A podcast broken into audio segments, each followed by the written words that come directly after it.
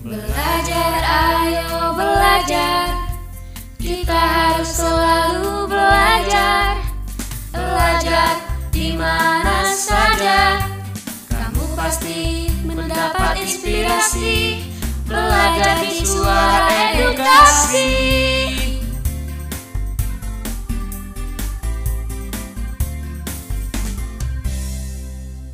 Tuan Ketua, apabila kita sekarang berkumpul di keliling meja bundar ini, maka segala pihak pasti mempunyai keyakinan bahwa pemusyawaratan kita di sini harus mencapai wujudnya, yaitu penyerahan kedaulatan yang penuh dan nyata kepada bangsa Indonesia dengan tiada bersyarat.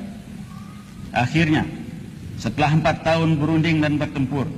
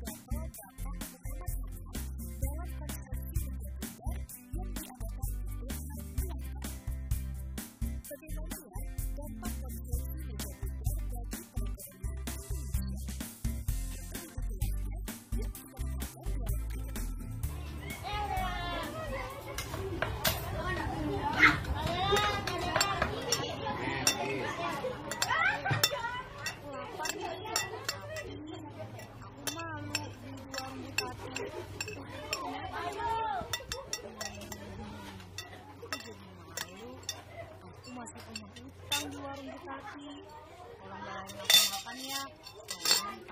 juga kamu masa kamu yang hutang aku yang bayar kamu tuh sama saja seperti Belanda kok jadi disamakan dengan Belanda sih Dew emangnya mukaku ini aku yang beli ya terima kasih ya Dewi pagi-pagi sudah musim ini Ih, aja kamu. Iya, kamu itu memang kayak Belanda. Kamu tahu nggak? Membebani hutangnya kepada Indonesia pada saat setelah kemerdekaan diraih. Aduh, Dewi, aku tambah bingung nih. Kenapa hutang aku disangkut pautkan dengan Belanda dan Indonesia? Ini ya, biar aku jelasin. Kamu ingat kan bahasan kita tentang perjanjian Rangkaian kemarin? Iya, tentu pasti aku ingat.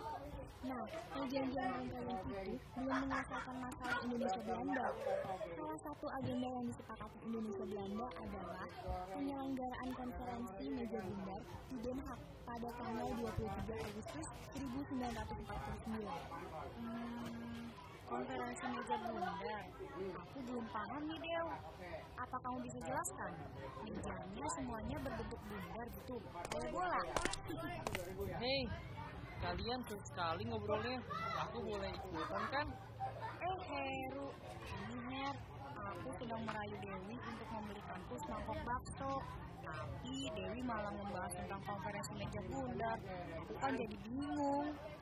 Jadi begini Her, Nina itu bukan hanya minta dibelikan semangkok bakso, tetapi dia juga minta dibayarkan hutangnya di warung Butati. Itu kan sama saja seperti yang dilakukan oleh Belanda terhadap Indonesia. Iya kan? Oh, ternyata itu masalahnya. Kalian ini sekali deh.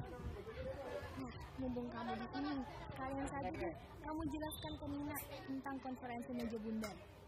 Kamu sudah paham kan tentang konferensi meja bundar? Oh, tentang konferensi meja bundar itu alias KMB. Untungnya aku sudah baca duluan. Sini aku jelaskan.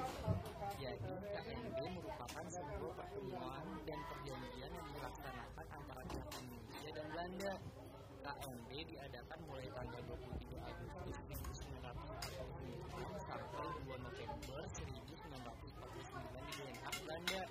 Dan tujuan konferensi meja bundar ini adalah untuk mengakhiri perselisihan antara Indonesia dan Belanda dengan jalan diplomasi. Ah, lalu, siapa saja tokoh dalam KMB itu, Her?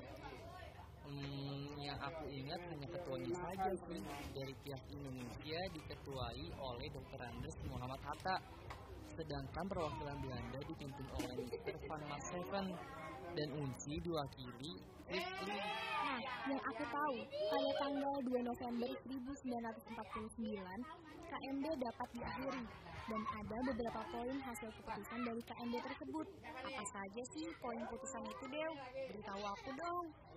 Beberapa hasil putusannya yaitu Belanda mengakui keberadaan RIS, penyelesaian masalah Irian Barat, pembentukan Uni Indonesia Belanda, Corak pemerintahan RIS akan diatur dengan konstitusi yang dibuat oleh para delegasi Republik Indonesia dan BFO atau Bijenkoms for Federal Overlap selama KMB berlangsung.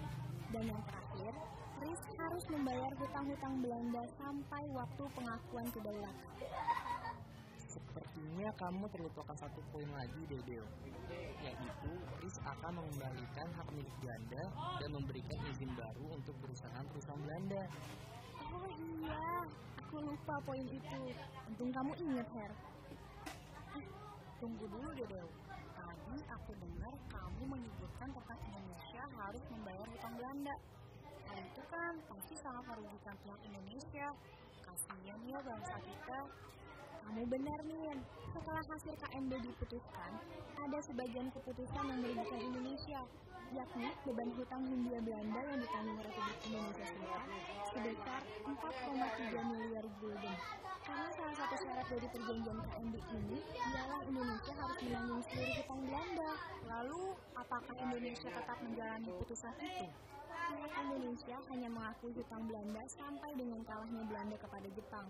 Nah, permasalahan hutang ini yang menjadi kendala pemerintah Indonesia dalam membangun ekonomi nasional yang masih belum stabil. Oh, begitu. Jadi, konferensi meja bundar itu hanya merugikan bangsa Indonesia ya teman-teman.